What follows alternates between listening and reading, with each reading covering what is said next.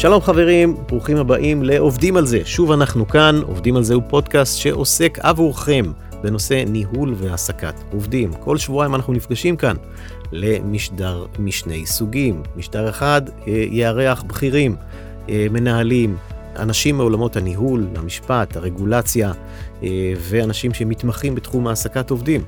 וסוג שני של משדרים, כמו שיהיה לנו היום, סוג מקצועי שנוגע להעסקת עובדים חכמה באפס טעויות. אני יניב אופק, אה, ואנחנו מתחילים. אנחנו מדברים שוב היום על אה, צורות העסקת עובדים בישראל. אה, אנחנו נצלול לסוג העסקה שנקרא אה, משכורת ואנחנו ננסה להבדיל בין ארבעה או שלושה וחצי סוגים של אה, דרכים לשלם שכר וצורה רביעית שהיא פרילנסרים עליה יהיה משדר נפרד אנחנו נגיד רק לפני המשדר הנפרד שבו אנחנו נספר לכם איך עובדים עם פרילנסרים נספר לכם למה לא כדאי לעשות את זה אבל זה יהיה בסוף. אז נתחיל.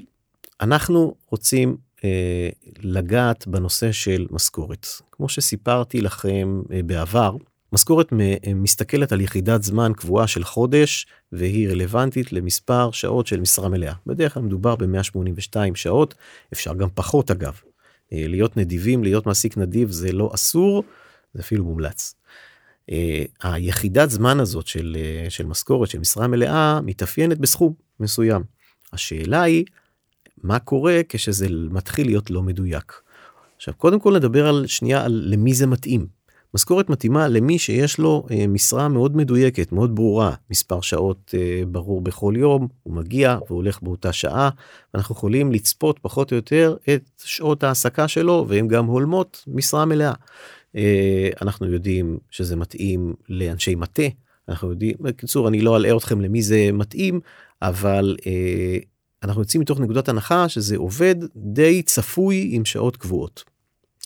לעומת זאת יש לנו את אחיו התחליטו אתם גדול או קטן של של יחידת התשלום הזאת שזה אה, המשכורת והשעות הנוספות הגלובליות. נורא מקובל מאוד מקובל בענפי הייטק וגם בענפים שהם לא כשיחידת השכר שלנו כוללת רכיב נוסף די קבוע אני אומר די קבוע לא לגמרי לא קבוע של עבודה מעבר למשרה המלאה של אותם 182 שעות. למה אני מתכוון?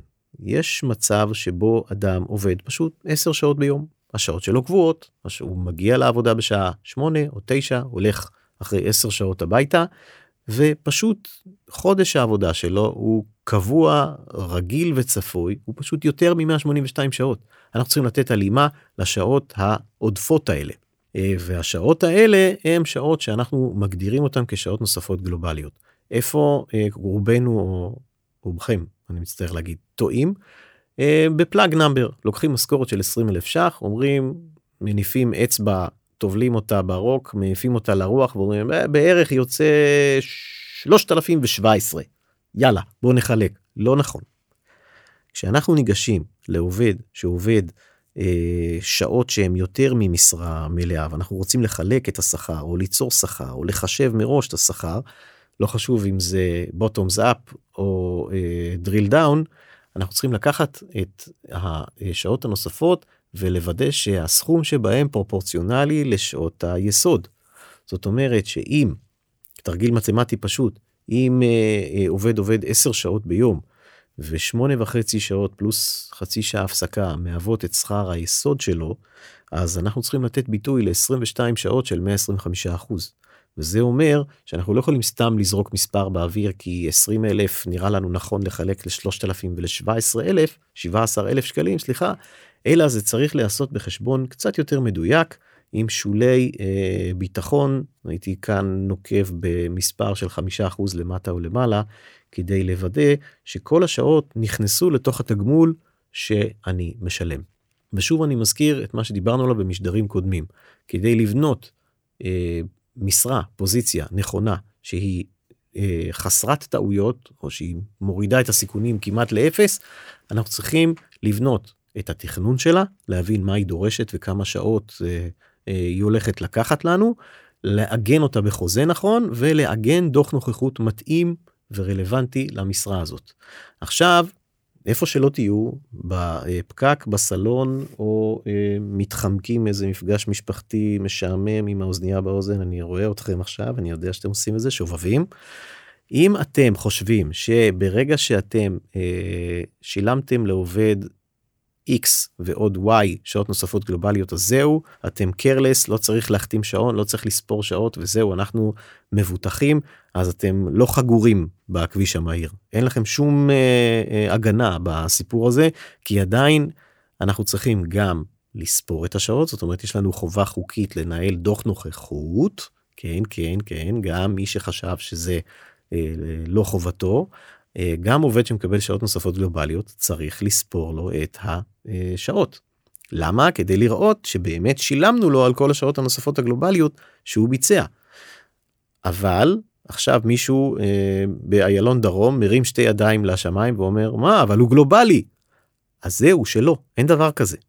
אין דבר כזה עובד גלובלי עובד הוא לא גלובלי יש לנו משרת אמון נדבר עליה עוד מעט. עובד הוא לא גלובלי. בטח לא במשרה שיש לה משכורת ושעות נוספות גלובליות. יש לו שני רכיבים בשכר. אחד זה משכורת, היסוד, והשני זה שעות נוספות גלובליות. אבל זה לא אומר שהוא uh, uh, זה לא אומר שהוא יכול לעבוד ככל העולה על uh, דעתך או דעתו. ולכן צריך לספור אותם. עכשיו תבואו ותשאלו אה, יופי נהדר 100% אה, בין אם מדובר בעובד הייטק שעובד בבית והוא היברידי לגמרי או חצי או רבע או שליש בין אם מדובר עם סוכן מכירות בין אם מדובר עם בנהג שיש לו קו חלוקה לא חשוב מאיזה מגזר צבע או מין העובד הזה אה, אה, העובד הזה שייך. אני לא יודע מתי יום העבודה נגמר יכול מאוד להיות שב-12 בלילה פתאום הוא נזכר לשלוח מייל למנהלת HR שהוא רוצה העלאה או אה, לממונה שלו שאין לו את הקו חלוקה למחר בבוקר אני לא שולט בזה. אז חברים אתם כן אתם כן, זה תפקידו של החוזה, וזה תפקידו של המשטור הארגוני שלכם. אתם צריכים להבין שכשאתם אחראים על סוג המשרה הזה, יש לו אה, גבולות, יש התחלה, אמצע וסוף ליום העבודה. עכשיו, אם פעם בעשר שנים עובד שלח מייל ב-12 בלילה כי הוא נזכר במשהו, אוקיי, בסדר, אף אחד לא יצלוב אתכם, יכה אתכם אל החומש. אבל באופן עקרוני, גם שעות העבודה בבית הם חלק מיום העבודה וצריך למשטר אותם. החוזה צריך להגדיר מה נכנס לתוך יום העבודה ומה לא נכנס לתוך יום העבודה, מהו אורכו של יום העבודה, בטח ובטח שמדובר בשעות נוספות גלובליות, אז על אחת כמה וכמה, כי אנחנו צריכים להבין ששילמנו את השעות האלה. ומה חורג משעות העבודה עם איסור ברור לחרוג מהם. עכשיו הרבה מאוד מנהלים עכשיו אומרים נו נו באמת החוקים האלה אי אפשר לעבוד בצורה כזאת היה לי פעם מקרה שלקוח שהוא מנכ"ל והוא גם חבר אמר לי תשמע באמת I couldn't care less אני רוצה תוצאות לא מעניין אותי אני רוצה לשלם אני מגדיר למשרה הזאת שוב נדבקתי למספר הזה 20 אלף ש"ח. 20 אלף ש"ח ברוטו זה מה שאני מוכן לשלם על המשרה הזאת מבחינתי אני רוצה תוצאות זה לא מעניין אותי אם העובד יעבוד 100 200 300 50 שעות לא מעניין אותי התוצרים זה מה שאני מודד לא מודד שעות. אז חבר'ה למעסיק כזה למנכ"ל כזה אני קורא המנכ"ל המחוקק הוא מחוקק את החוקים מחדש לעצמו. הוא לא כל כך יודע מה אה, אה, הוא אה, עושה כי הוא לא יכול למדוד רק תוצרים כי זה בלתי אפשרי. אה, אתה צריך להיות minded ו accountable לשעות שהעובד שלך מבצע גם אם אתה רוצה למדוד רק תוצרת. תראה את זה לא תראה את זה זה ככה יש חובה חוקית לנהל את דוח הנוכחות הזה. כשאנחנו נגיע לפרק של אגף האכיפה אז אנחנו נבין שיש אגף במשרד העבודה. אה, הייתי אומר לכם שזה משרד העבודה והרווחה אבל אין לי מושג כל יום הוא עובר ממשרד הכלכלה למשרד העבודה למשרד הביטחון הלאומי לתעסוקה לא יודע איפה הוא נמצא היום אבל זה מין אגף שזז כזה, זה זז אבל נושך חזק מאוד. אגף האכיפה שנייחד לו משדר יכול ליפול עליכם יום אחד ושני חוקרים נחמדים עם תעודות ידפקו לכם בדלת ויעשו ביקורת שכר. ואם הם ימצאו שלא ניהלתם דוח נוכחות לכל העובדים או לעובדים שנבדקו, יקנסו אתכם ב-5,000 ש"ח לעובד לחודש. נגיד שבדקו שלושה עובדים במשך אה, שלושת חודשי בדיקה והרי לכם 5,000 כפול הרבה. וזה חבל. אז דוח הנוכחות שאנחנו צריכים לנהל הוא חובה חוקית בפני עצמה, הוא לא קשור כרגע, ל... זה לא אביזר עזר לשליטה, איזה אקסל שאתם מנהלים כדי לראות אם אתם בסדר, זה חובה. לכן, על אחת כמה וכמה, לא כדאי להסתבך עם זה. מה שאני בסופו של דבר רוצה לומר הוא, שאנחנו חייבים לספור, ואנחנו חייבים להדריך את העובדים שלנו, שהם לא אמורים לעבוד בשבת בערב, למרות שהם נורא משועממים ורוצים לצמצם משימות למחר, כי אנחנו לא יכולים לספור רק אה, תפוקה או תוצאות, אנחנו צריכים גם לספור את השעות.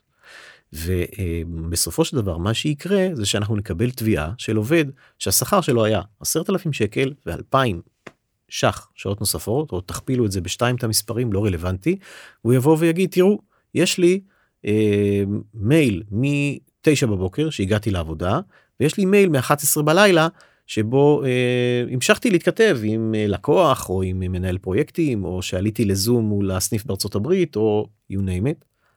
ויום העבודה שלי היה הרבה יותר ארוך מאותה אה, שעות שהאלפיים ש"ח מייצגים. אז חברים צריך לעשות שני דברים דבר ראשון לספור את השעות בצורה של החתמת נוכחות ודבר שני לראות שאחרי שספרנו והגדרנו את השעות אין חריגה וההלימה הכספית מתאימה לכמות השעות שהגדרנו. אחרת, מתישהו אנחנו נחטוף, לפי חוק המספרים הגדולים. זה היה אה, אה, דקה על כלכלה, אה, כמה מילים על הרעיון של משרה מלאה עם שעות נוספות גלובליות. זה לא קרנות המזבח, אי אפשר לעשות את ההסדר הזה ולהגיד זהו, אני מוגן, אה, דברו איתי בגמר. זה לא עובד. עכשיו נעבור לצורת אה, שכר משכורת קצת אה, פחות מוכרת והיא חסרי הפיקוח. בסעיף 30 א 6 לחוק שעות עבודה ומנוחה יש מין יצור מין פיל ורוד נמר עם נקודות לא יודע איך נגדיר אותו מין יצור כלאיים כזה של עובד שבגלל שאי אפשר לפקח פיקוח של ממש על שעות העבודה שלו פה כל מילה חשובה הוא מוגדר כמי שהוא אה, אה, מוחרג מהחוק. חוק שעות עבודה ומנוחה, החוק שמחייב אתכם לשלם שעות נוספות. ואז הרבה מאוד פעמים, אני מודה, הרבה מאוד פעמים ניסיתי את הטריק הזה כשהצגתי מעסיקים שקצת התבלבלו, לא תכננו ועשינו reverse engineering ורצינו להציל מהרבה כספים, קנסות ושעות, טענו שהעובד הוא עובד חסר פיקוח. אבל מה? זה מאוד נחמד שיניב אופק בא עם איזה רעיון יצירתי לבית הדין לעבודה יופי, אבל אה, קשה לקנות את זה בכל מצב. הדברים האלה נכונים, הצורת ההעסקה הזאת מתבטאת בתלוש שבו כתוב יש שורה אחת משכורת. משכורת 20 אלף כמו בדוגמה הרגילה שלנו ובחוזה כתוב שהעובד הוא אה, מוחרג מחוק שעות עבודה ומנוחה כי הוא עובד שלא ניתן לפקח פיקוח של ממש על שעות עבודתו.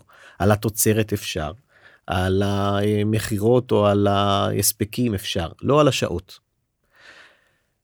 זה סוג של משרה או סוג של העסקה שמתחיל לעבור מן העולם הוא כמו אה, אה, לא יודע אה, אולי לוויתן כחול או משהו כזה הוא אה, נשארו כמה פריטים באוקיינוס ההודי אבל הוא מתחיל להיעלם לאט לאט ואני לא ממליץ לכם להיות הלוויתן הכחול האחרון. עובד שהוא חסר פיקוח שהוא מועסק לפי 30 אלף 6 הוא עובד שבאמת אי אפשר לדעת מתי הוא עובד ומתי הוא לא. למשל, עיתונאי חוקר, שאתם שולחים אותו למשימה, והוא יושב עם העט או עם העיפרון באיזה כפר נידח או במערה, ואוכל את קצה העט וחושב לו כל היום, ואז פתאום בא לו הרעיון והוא כותב אותו. הוא הולך ומסתובב ולא ברור מתי הוא איתכם ומתי הוא לעצמו. עבוכה, עבודה ומנוחה משולבת אחד בשני, זה אולי, אולי סוג של מי שאפשר אולי ליצוק לו תוכן לתוך 30 אלף 6. בהתחלה הסעיף הזה היה מיועד לכל מיני אה, אה, אנשים שהסתובבו בארץ. אנחנו מדברים על שנות ה-70, שנות ה-80. האמצעי, אמצעי הקשר היחיד היה מוטורולה, וגם הוא לא היה קולט שני ודיות מהמשדר הקרוב, ועם הטנדר פולקסווגן דאבל קבינה שלך היית נעלם מעבר להרי החושך ולכו חפשו את חיים המפתח אצל הג'ינג'י. כמו בספר המפורסם אי אפשר לדעת איפה הוא לאן הוא ומתי הוא יחזור. אז התקדמנו מאז והיום עם gps די פשוט או איתורן או דיווח בסלולר אתה יכול לדעת בדיוק איפה כל אחד נמצא ולכן הקונסטלציה הזאת של חסרי פיקוח הולכת ומצטמצמת. אה, עכשיו אתם תשאלו ובצדק אם באמת מישהו עובד מהבית והוא מערב תחומים. אה, אז קודם כל צריך לזכור שחוק שעות עבודה ומנוחה נחקק אה, בשנות החמישים תחילת שנות החמישים ואז אפילו לא היה שעון דיגיטלי אלא היה מין דף כזה שמכניסים אותו לתוך מכשיר והוא עושה צקינג כזה ומחתים ויש לך שעה מודפסת ואם איבדת את זה אז אתה לא יודע מתי איבדת זהו. אתה סבא שלי זיכרונו לברכה נולד ביפו וכשהוא נולד בשנת 1917 בערך באימפריה העות'מאנית כתבו את התאריך לידה שלו בסידור והסידור נשרף במאורעות תרפ"ט אז לא יודעים מתי יום הולדת שלו. אין, אין מושג זה סוג של טכנולוגיה של פעם. והיום זה לא כך אה, אנחנו יודעים ויש לנו כל מיני אמצעי מעקב יש אה, אה, אמצעי מעקב של חברות שיודעות לפי תנועות עכבר שלך האם אתה עכשיו איתנו או שאתה רואה סדרה בנטפליקס וגם את זה אפשר לעקוף. אז יש לנו מציאות חדשה במיוחד מאז הקורונה שלא כל כך אה, מעוגנת כבר בפסיקה בחקיקה בטח לא והיא מציאות של אבוכה של עבודה ומנוחה משולבת שאתה עובד מהבית המענה לזה הוא בצורה של חוזה שהוא אומר בדיוק את זה. ועוד פעם זה בדיוק הלא להשאיר זנבות או תושבע או שטחים אפורים לבוא ולהגיד אתה יכול לעבוד מהבית זה בסדר אנחנו יודעים שאתה עובד היברידי אתה יכול לעבוד 10 שעות ביום אתה תתוגמל על 10 שעות ביום. אתה יכול לעשות את זה מתי שאתה רוצה אם יש לך זום עם יפן בשעה אה, 5 בבוקר ואז זום עם ארצות הברית בתשע בערב מן הסתם אתה עובד הרבה שעות. אז תנהל את זמנך בחופשיות תעבוד 10 שעות ואם יש לך חריגה מהשעות האלה דווח לנו אנחנו רוצים לדעת אבל בריל טיים. אמ, וזה בסדר גמור אם החוזה נותן אה, מענה לנקודה הזאת. יש עניין נוסף אה, כשאנחנו מדברים על אה, נחזור רגע לצורת העסקה הקודמת הרבה פה הרבה מאוד פעמים אנשים שואלים פיצלתי את השכר את אותם 20 אלף ל-17 אלף שקל ו-3,000 שקל מה אני עושה עם אותם 3,000 שקל? האם אני מפריש עליהם לפנסיה או לא? האם יש לי חובה כזאת. אז uh, עוד פעם פה יש קאץ' ופה הכלל של להיות נדיב אין עם זה בעיה לא תמיד עובד כי uh, יכול להיות מצב שבו עובד יבוא ויגיד תראו השכר שלי היה 17 אלף שקלים שעות נוספות 3,000 שקלים אבל פיצלו לי את זה פיקטיבית וההוכחה שפיצלו לי את זה פיקטיבית זה שהפרישו לי לפנסיה על 20. ובעצם כל הפיצול הזה הוא אות מתה והוא בולשיט אחד גדול ובעצם השכר היסוד שלי היה 20 ולא קיבלתי שכר על שעות נוספות. אז מצד אחד אנחנו רוצים להיטיב עם העובדים כשאנחנו רוצים להיטיב עם העובדים ואנחנו רוצים לגרום להם חיסכון פנסיוני גדול אה, ככל האפשר ולהפריש על כל הכסף. כשאנחנו רוצים לעשות את זה. מצד שני לפעמים זה עלול לחבל בטענת ההגנה שלנו. ולכן כאן כל מקרה לגופו לא יקרה אה, אה, או, או נגיד את זה אחרת זה חוקי להפריש אך ורק על שכר היסוד ואין חובה להפריש על השעות הנוספות הגלובליות מעסיק שיעשה את זה הוא מה שנקרא בארמית במרכאות שדעת חכמים נוחה ממנו זאת אומרת מצד אחד הוא אה, ילד טוב ירושלים מצד שני הוא יכול להיות חשוף לבעיה או לטענה שהעובד יבוא ויגיד שהשכר שלו פוצל והוא פיקטיבי. שימו לב אה, הטענה הזאת של פיצלו לי את השכר וזה בסך הכל אה, אות מתה כמו שקוראים אצלנו תהיה חזקה יותר כשזה באמת היה ככה בהתחלה שהיה שכר של 20 אלף ואז פתאום יניב אופק והחברה התחילו לעבוד ביחד ואז בא יניב למנכ"ל ואמר חבר'ה זה לא בסדר צריך לפצל יש כאן שעות נוספות גלובליות ואז באמת פיצלו במצב כזה הייתי ממשיך להפר... הייתי אה, עושה הבדל בהפרשה בין ה-17 ל-3. אה, נחזור לצורות המיוחדות אתם לא יודעים אבל במהלך השידור פה חבר'ה מה control כותבים לי, כותבים לי פה שאלות אה, על המסך ומתקילים אותי בתשובות ואני צריך לענות להם אז כל הכבוד סחטיין תמשיכו אני זורם איתכם. אנחנו עוברים לשיטה אה, האחרונה אה, או הכמעט אחרונה חוץ מפרילנסרים של העסקה והיא משרת האמון. אה, משרת האמון זו הצורה האחרונה של, של העסקה שניגע בה היום ולא בכדי. הרבה מאוד אנשים טועים בעניין הזה ואומרים לעצמם מה זאת אומרת יש לי מסעדה, הטבח הראשי שלי זה משרת אמון, בלעדיו אני לא יכול לזוז. או שמע, זה סוכן המכירות הכי בכיר שלי, בלעדיו אני גמור, אה, ברור שזה משרת אמון. לא, חבר'ה, משרת אמון זה לא האיש הכי חשוב לי או יקר לי או מי שיודע את הסודות או מי שיש לו זכות חתימה או הרי חשבון שיודע איך רימיתי את uh, uh, המדען הראשי או כל מיני המצאות שאני שומע ואני אמור לו לספר לא. משרת אמון היא משרה של אדם שמחזיק שהאדם שמחזיק בה יכול להשפיע השפעה אסטרטגית על ההתנהלות השפעה של ממש על ההתנהלות האסטרטגית של הארגון. זאת אומרת זה אדם שיש לו say ויכולת השפעה ברמת מגה ההתנהלות של הארגון ברמת קביעת מדיניות אה, וזה יכול להיות כדוגמה אה, פתיחה לשווקים חדשים מהלכים עסקיים הקמה או אה, סגירה של אופרציות אדם שיש לו יכולת להניע מהלכים אסטרטגיים בארגון. זה לא יכול להיות זה לא יכול להיות מישהו שהוא למשל מנהל סניף. אוקיי? אלא אם כן זה יכול להיות אדם שיכול להיות למשל מנהל אה, אזור מסוים שאין לו כמעט אה, בקרה מעליו והוא יכול להתנהל באופן חופשי לגמרי ב, למשל מנכ"ל אירופה מה שנקרא בחברה גלובלית אדם שכן יש לו יכולת אה, רחבה ל, אה, להניע מהלכים. יש דוגמאות רבות מהפסיקה לגבי מי יוכר ומי לא יוכר כמשרת אמון. אני לא רוצה להלאות אתכם כי זה באמת אם אני אתחיל עכשיו למנות את הדוגמאות אנחנו גם ניכנס לייעוץ פרטני וגם נבלבל אתכם. חשוב מאוד להבין שזה דבר שדורש ייעוץ. אם אתם רוצים להעסיק מישהו במשרת אמון אתם צריכים לעבור את הליגל שלכם, את הייעוץ המשפטי, כדי לוודא שזה באמת יעבוד לכם. יכול מאוד להיות שבמקרים מסוימים יש סמנכ"ל כספים שיש לו סמכויות נרחבות אה, והוא יוכר כמשרת אמון. בהחלט.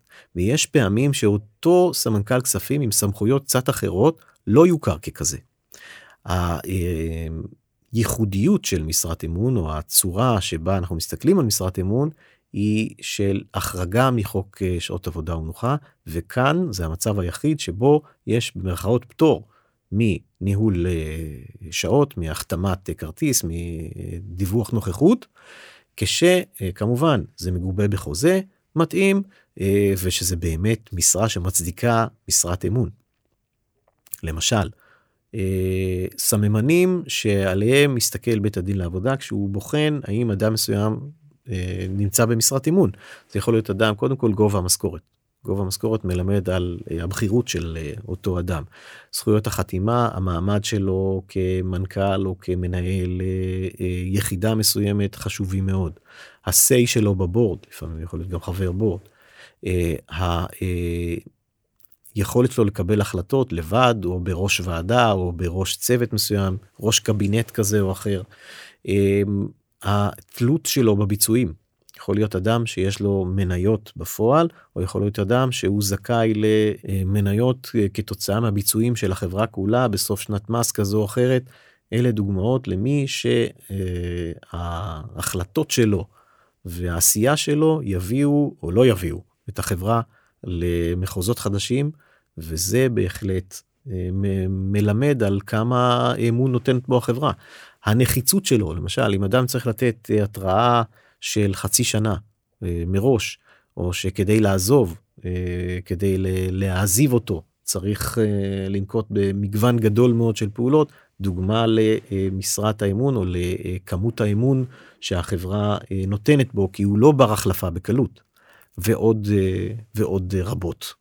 אז למעשה כאן כשאנחנו מסתכלים על משרת אמון אנחנו אם אנחנו נכנסנו לתוך הקונסטלציה הזאת יש לנו פטור האדם הזה פטור מדיווחי נוכחות ומתשלום של שעות נוספות והתלוש שלו שבו יהיה כתוב משכורת 40 אלף יספיק.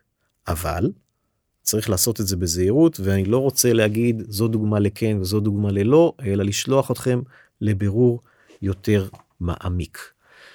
הטענות של טענות הגנה של האיש הזה היה במשרת אמון ולכן לא שילמתי שעות נוספות כשאין או סממנים או חוזה או שניהם לא יעבדו. פשוט לא יעבדו. ולכן אני מציע לכם לא לא להיות שם ולא ללכת לשם. דוגמה אחת שאני יכול לתת היא לפעמים, ב... ניקח דוגמה עכשיו, ענף המסעדנות למשל. כשאדם מקים אה, מסעדה או רשת או סניף עם אה, אה, אדם נוסף, ולשניהם יש מניות, ואחד מהם מנהל את העסק בפועל, והשני הוא שותף אה, שהוא פחות פעיל, אז אה, ואותו מנהל מושך לעצמו משכורת, אז כן, בהחלט אפשר לראות בזה, לא בהחלט, אבל יש פסיקה שמגדירה אותו כמשרת אמון. שורה אחרונה לפני שאנחנו אה, מסיימים אבל גם חשוב לי להדגיש שיהיה על זה משדר נוסף פרילנסרים. פרילנסרים זו סכנה.